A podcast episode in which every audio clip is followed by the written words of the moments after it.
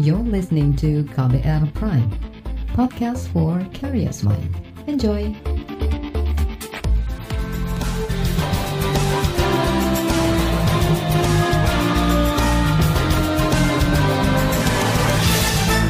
Inilah KBR sore hari ini edisi 25 Agustus 2021 saya Reski Mesanto.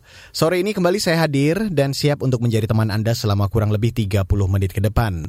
Sore ini saya mau ajak Anda untuk membahas tentang jumlah kasus permohonan penundaan kewajiban pembayaran utang atau PKPU dan kepailitan saat ini meningkat menjadi 430 kasus.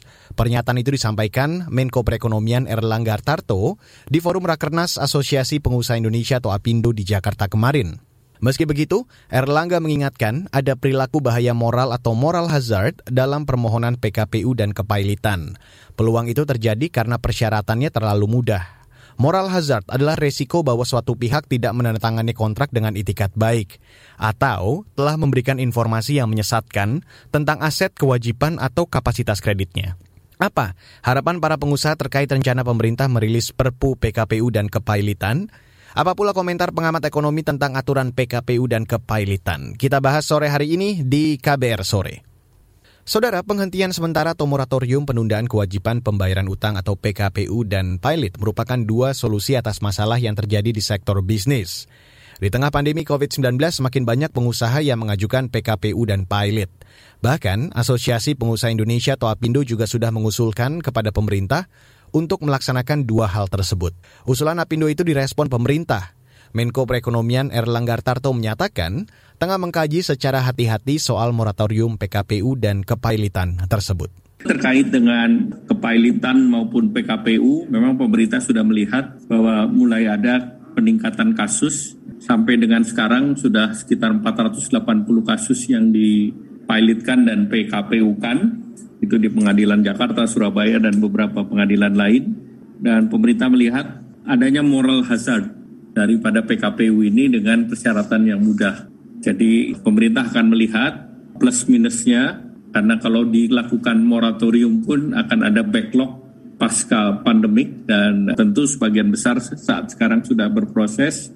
Kemudian juga pemerintah melihat untuk mencegah moral hazard ke depan dan ini kan adalah produk dari hasil fast track restructuring di tahun krisis moneter di tahun 98 yang lalu di mana dilakukan PKPU dan kepailitan massal dan ini menjadi bagian dari ease of doing business bahwa mekanisme exitnya itu dipermudah. Nah sekarang pemerintah sedang mengkaji terkait dengan hal tersebut karena ini bukan hanya dimanfaatkan oleh debitur tetapi beberapa kreditur juga menggunakan ini sebagai bagian daripada corporate action mereka.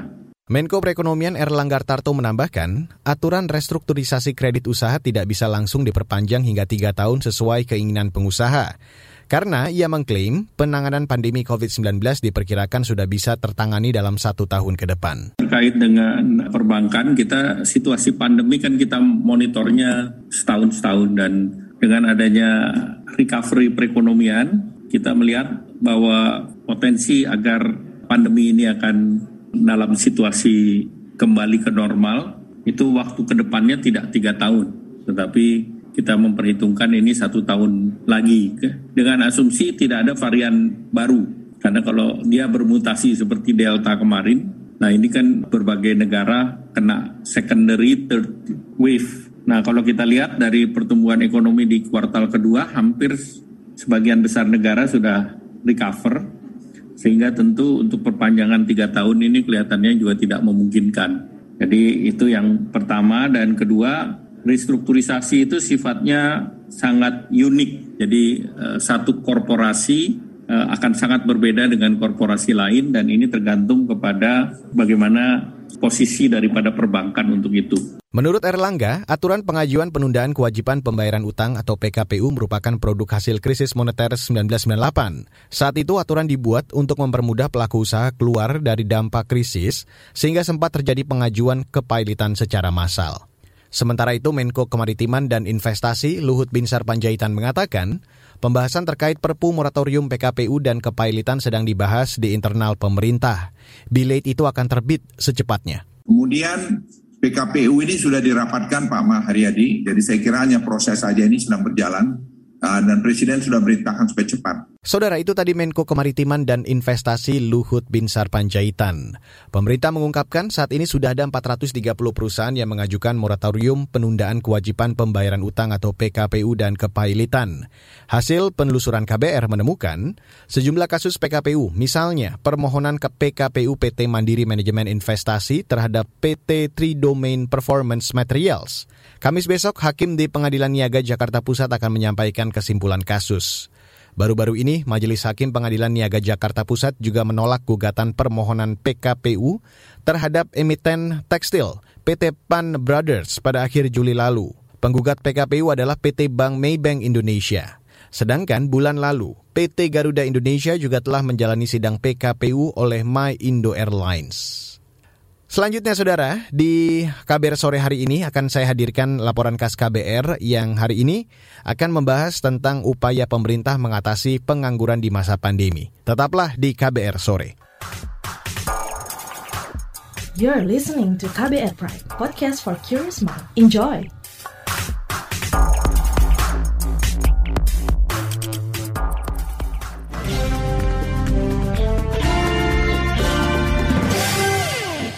Saudara, pandemi COVID-19 membuat banyak sektor usaha terpukul. Keputusan pemerintah membatasi kegiatan masyarakat melalui PPKM membuat sebagian besar usaha gulung tikar dan terjadi peningkatan pengangguran. Pemerintah yang tengah menangani pandemi juga harus memutar otak mengatasi dampak pandemi di sektor ketenaga kerjaan.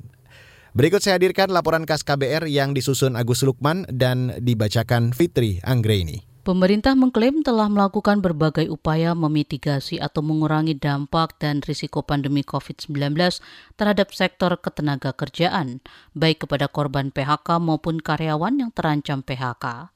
Kementerian Ketenagakerjaan mencatat ada lebih dari 1.500 perusahaan berencana melakukan pemutusan hubungan kerja atau PHK. Jika dilihat dari jumlah itu, ada 800 ribuan pekerja yang terancam di PHK. Direktur Jenderal Pembinaan Hubungan Industrial dan Jaminan Sosial Tenaga Kerja Indah Anggoro Putri mengatakan pandemi COVID-19 dan kebijakan PPKM mengakibatkan banyak perusahaan mengoreksi penghasilan pekerja sebagai strategi bertahan hidup.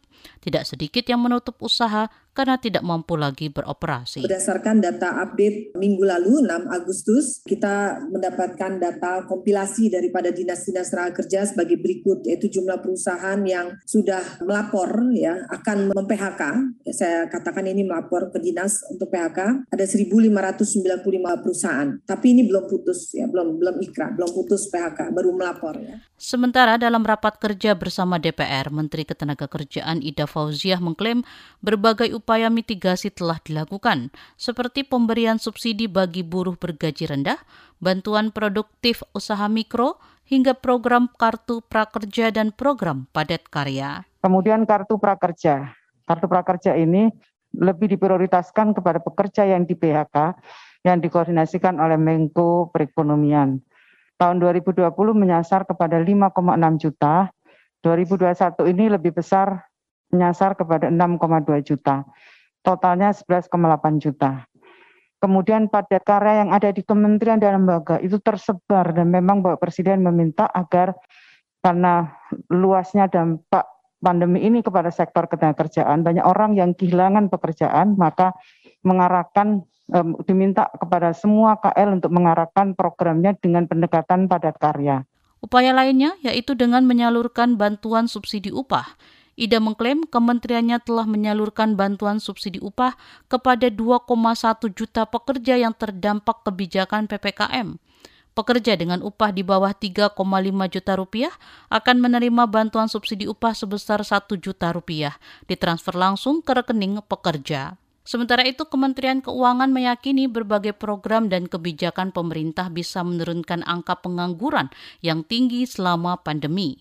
Menteri Keuangan Sri Mulyani mengatakan program dan kebijakan pemulihan ekonomi nasional yang sudah dijalankan juga akan terus direvisi dan diperbaiki untuk melindungi masyarakat di sektor ekonomi bahwa langkah-langkah di bidang ekonomi kita telah mampu untuk mulai mereverse atau membalikkan tren kenaikan pengangguran dalam uh, bulan Agustus 2020 ke Februari 2021 kita telah mampu untuk menurunkan 0,81 percentage point dari tingkat pengangguran terbuka atau dalam hal ini 1,02 juta orang uh, yang sekarang tidak menganggur lagi. Pengangguran terbuka adalah angkatan kerja yang sama sekali tidak mempunyai pekerjaan. Data Badan Pusat Statistik BPS mencatat, tingkat pengangguran terbuka pada Februari lalu naik menjadi 6 persen lebih atau sekitar 8,7 juta orang. Sebagian besar merupakan lulusan SMK. Di sisi lain, banyak ahli ekonomi menilai upaya mengurangi pengangguran efektif jika pertumbuhan ekonomi membaik dan pertumbuhan ekonomi baru akan membaik jika pandemi terkendali. Pengamat ekonomi Bima Yudhistira bahkan menilai pertumbuhan ekonomi belum bisa dipulihkan dalam waktu dekat karena pembatasan kegiatan masyarakat atau PPKM yang terus diperpanjang. Belum lagi, masyarakat umumnya banyak yang menjual aset serta menjadi pengangguran baru. Tapi juga fokus pada penanganan pandemi karena upaya untuk mempertahankan pertumbuhan ekonomi yang stabil mau tidak mau penanganan pandeminya harus lebih optimal. Nah, ini berkaitan dengan anggaran kesehatan. Anggaran kesehatan pencairannya baru di kisaran 25% sampai bulan Juli. Harapannya Agustus ini sudah lebih dari 50 sampai 60 persen. Laporan ini disusun Agus Lukman. Saya Fitri Anggreni. Saudara, bagaimana sebenarnya harapan sekaligus keluhan pengusaha terkait penundaan kewajiban pembayaran utang atau PKPU dan kepailitan? Informasi selengkapnya sesaat lagi, tetaplah di KBR Sore. You're listening to KBR Pride, podcast for curious mind. Enjoy!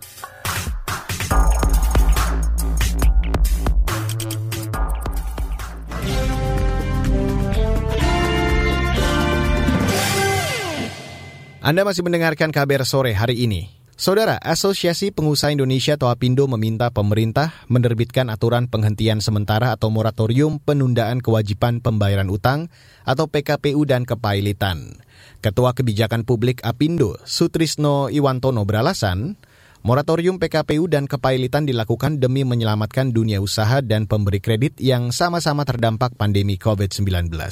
Jadi memang PKPU itu sebenarnya kan untuk bisa menyelesaikan masalah utang piutang ya, yang diharapkan bisa menguntungkan kedua belah pihak ya, baik kreditor maupun debitor, supaya ada mediasi, kemudian ada penundaan untuk bisa mencari jalan keluar. Sebenarnya itu uh, tujuannya ya supaya tidak langsung pilot kan gitu ya. Hanya saja kan memang kondisi saat ini kan ekonominya sangat buruk ya, sehingga banyak sekali kasus-kasus PKPU. Ya, kita melihat angka-angka di pengadilan itu menunjukkan peningkatan ya dibandingkan tahun 2019.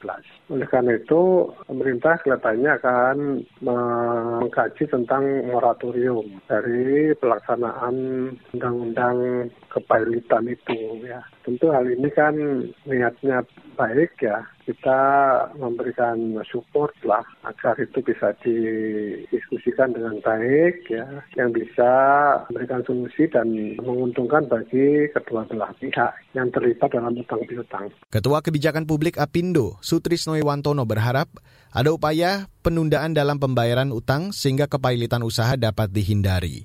Hal itu dikarenakan pandemi membuat banyak usaha menjadi tidak sehat dalam mengoperasikan bisnisnya penundaan lah penundaan. Jadi jangan langsung dilakukan gitu ya. Karena kan situasinya susah. Kalaupun misalnya dilakukan PKPU kemudian diberikan waktu 45 hari kemudian kalau nggak bisa masih ditunda lagi sampai 270 hari kan gitu ya. Tapi kalau kondisinya susah kan akhirnya nanti ujungnya jadi pilot. Kalau pilot kan pasti itu yang didebitkan baik kreditor maupun debitor. Nah dalam kondisi semacam ini aturan itu kalau bisa di moratorium moratorium dulu gitu loh. Karena kan pengajuannya itu kan mudah sekali ya. Jadi dalam tempo dua hari misalnya pengadilan sudah harus memeriksa perkara itu. Hmm. Tapi kalau dari debitur misalnya masih ada waktu 20 hari untuk bisa kalau nggak salah ya saya lupa persisnya ya.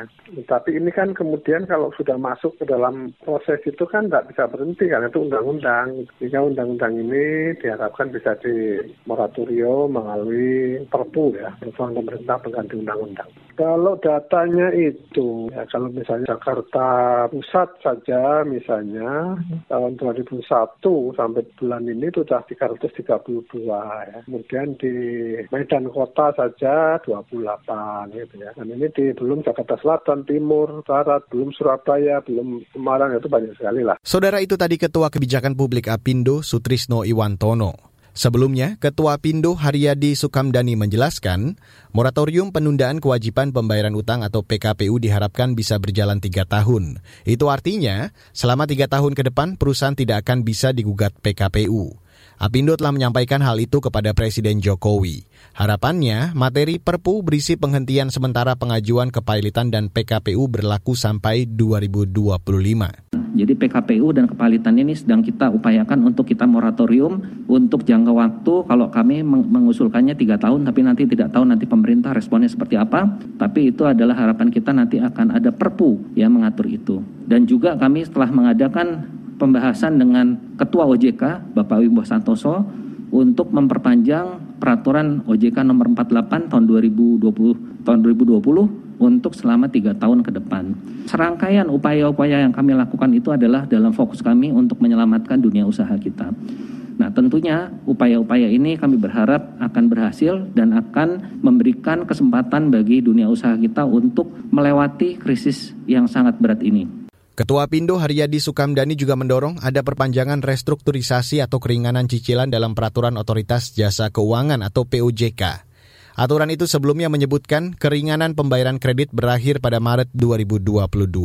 Sementara itu, saudara, Sekjen Asosiasi Perstekstilan Indonesia atau API, Rizal Tanzil Rahman mengatakan, di luar perkara pilot yang menimpa perusahaan tekstil, saat ini industri tekstil dan produk tekstil atau TPT memang terpantau mengalami perlambatan pemulihan jika dibandingkan sektor lain.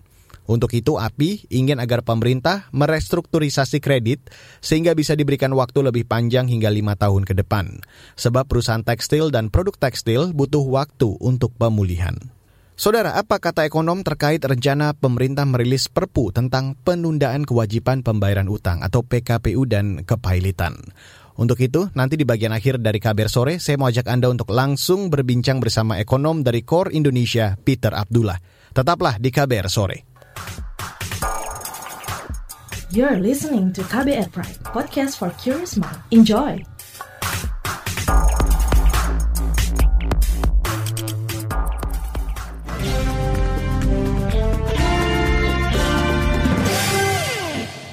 Terima kasih Anda masih mendengarkan KBR sore hari ini. Saudara, pemerintah sedang mengkaji usulan dari dunia usaha untuk penghentian sementara atau moratorium penundaan kewajiban pembayaran utang atau PKPU dan kepailitan. Pengkajian itu untuk dunia usaha yang terdampak pandemi COVID-19. Apindo berharap aturan itu dituangkan dalam bentuk peraturan pemerintah pengganti undang-undang atau perpu. Pakar ekonomi mendukung usulan perpu dari kalangan pengusaha.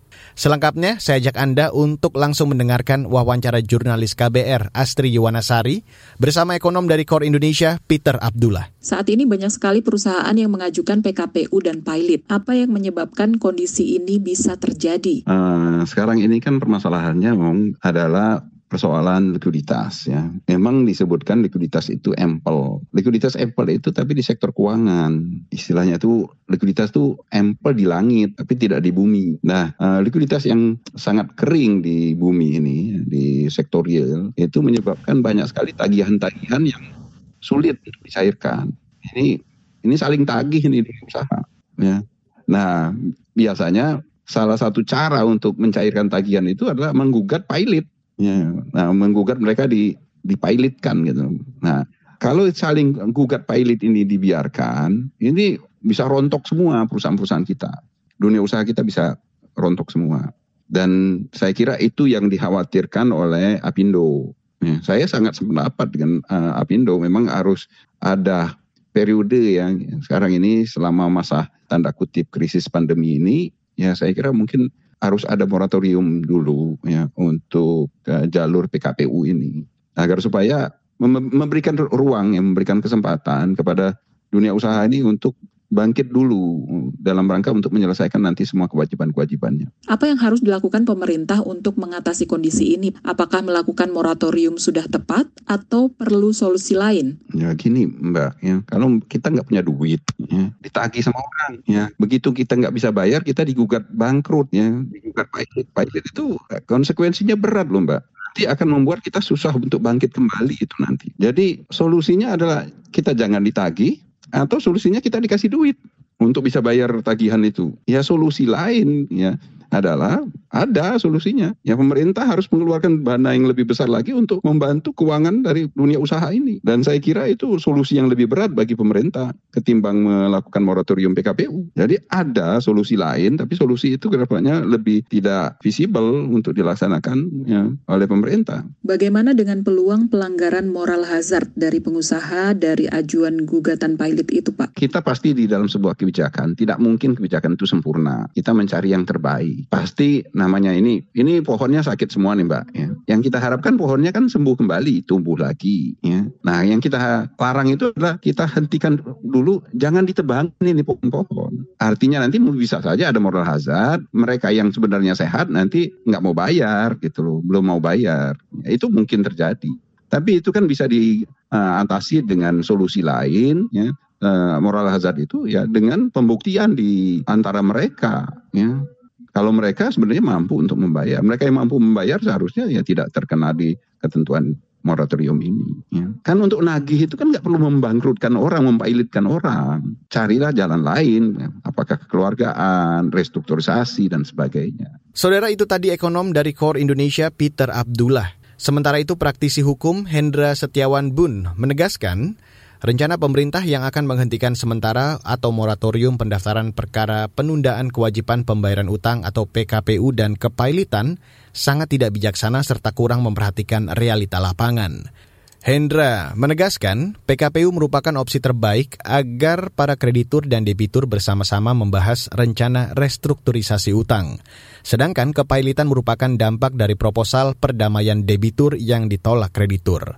Kepailitan bertujuan agar debitur lebih serius menyusun proposal perdamaian. Praktisi hukum Hendra Setiawan Bun menyebutkan, dua tahun lalu ada 430-an perkara penundaan kewajiban pembayaran utang atau PKPU. Setahun kemudian jumlahnya naik jadi 640-an perkara PKPU. Saudara, informasi tadi sekaligus menutup KBR sore untuk hari ini 25 Agustus 2021. Terima kasih untuk Anda yang sudah bergabung sore hari ini dan jangan lupa untuk Anda yang tertinggal siaran KBR Sore Anda kembali bisa mendengarkannya di podcast KBR Sore. Ada di Spotify, KBR Prime, atau platform mendengarkan podcast lainnya. Ingat, selalu patuhi protokol kesehatan di mana pun Anda berada dan kurangi mobilitas Anda semaksimal mungkin, karena itu merupakan salah satu cara untuk memutus rantai penyebaran COVID-19. Saya Reski Mesanto mewakili tim redaksi yang bertugas sore hari ini. Kami undur diri dari KBR Sore. Salam.